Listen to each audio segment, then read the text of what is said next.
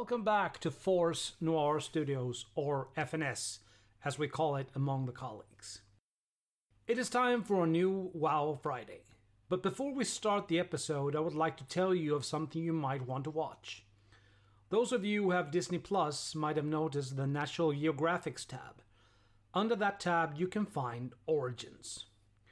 Origins takes us back in time to moments and inventions that has defined us as humans. We are very complex beings, very much double natured. Like Mark Twain said, every man is a moon, there is a dark side. It was a while since there was an episode, but last time we helped out a friend with his Kickstarter for his role playing game, so that took the spot of WoW Friday last month. Since then, a lot has been happening. We have achieved 50 episodes and over 2,000 listenings. We finally have mail, Instagram, and Twitter. Finally, I would like to ask you a favor, and that is to spread the word of the podcast. Most of the segments are in Swedish, but there are two of them in English for those who are fans of the Blizzard games. If you would be so kind to spread the, the word, it would mean the world to us. We're a small podcast that are slowly growing, and we can grow faster with your help.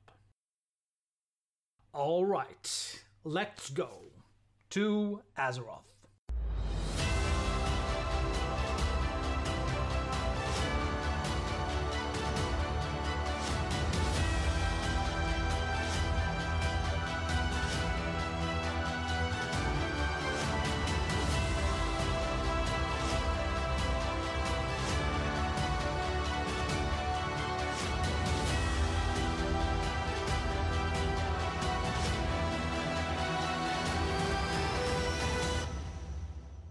Led by the Keepers, the Titan Forge slammed into the Black Empire's northernmost holdings.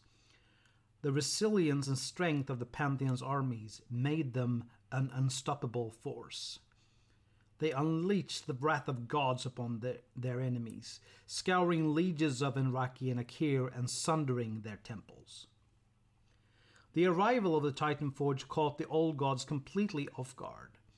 They reeled in response to these stone and metal skinned invaders, but they were determined not to lose control over Azeroth. To reassert their dominance, the old gods called upon their greatest lieutenants, the Elemental Lords. The enraged Elemental Lords and their soldiers advanced on the Titan Forge from all sides. The Titan Forge decided to take on a new approach divide and conquer.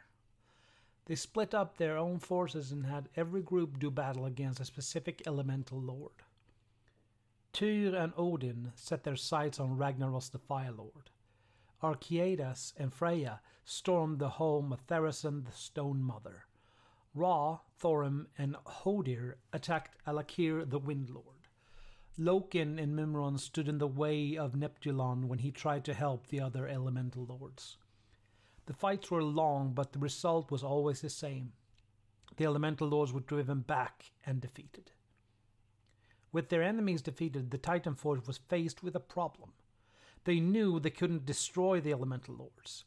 Their spirits were bound to Azeroth, and if they were killed, their bodies would just manifest again eventually. Ra found a solution. Just like Sargeras had done with demons, they would imprison the elemental lords. Working with Helya, Ra created places within a created dimension that would be known as the Elemental Plane.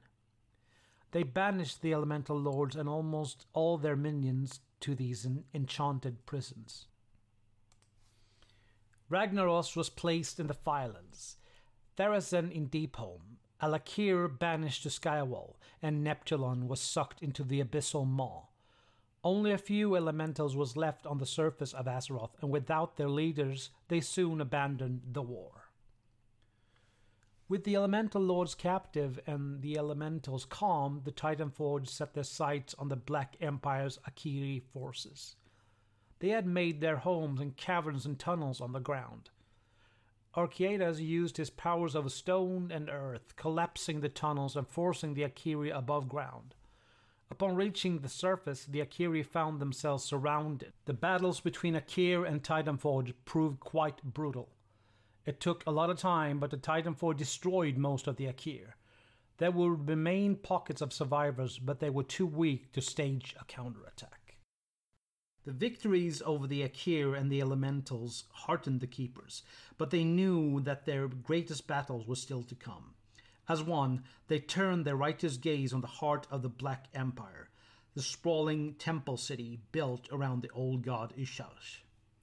By toppling the most powerful Iraqi bastion on Azeroth, the Keepers believed they could crush their enemies in one swift stroke. The Keepers and their allies vaded through one swarm of Iraqi after another as they battled their way toward the mountainous form of Y'Shaarj. The broken and mangled bodies of Titanforge and Iraqi alike riddled the landscape by the time the invaders breached the city and assaulted the old god itself. Y'Shaarj was more powerful than the keepers had expected. It poisoned the minds of the Titanforge, drawing out their, their fears and darkening their thoughts. And that brings us to the end of this episode. For Azeroth.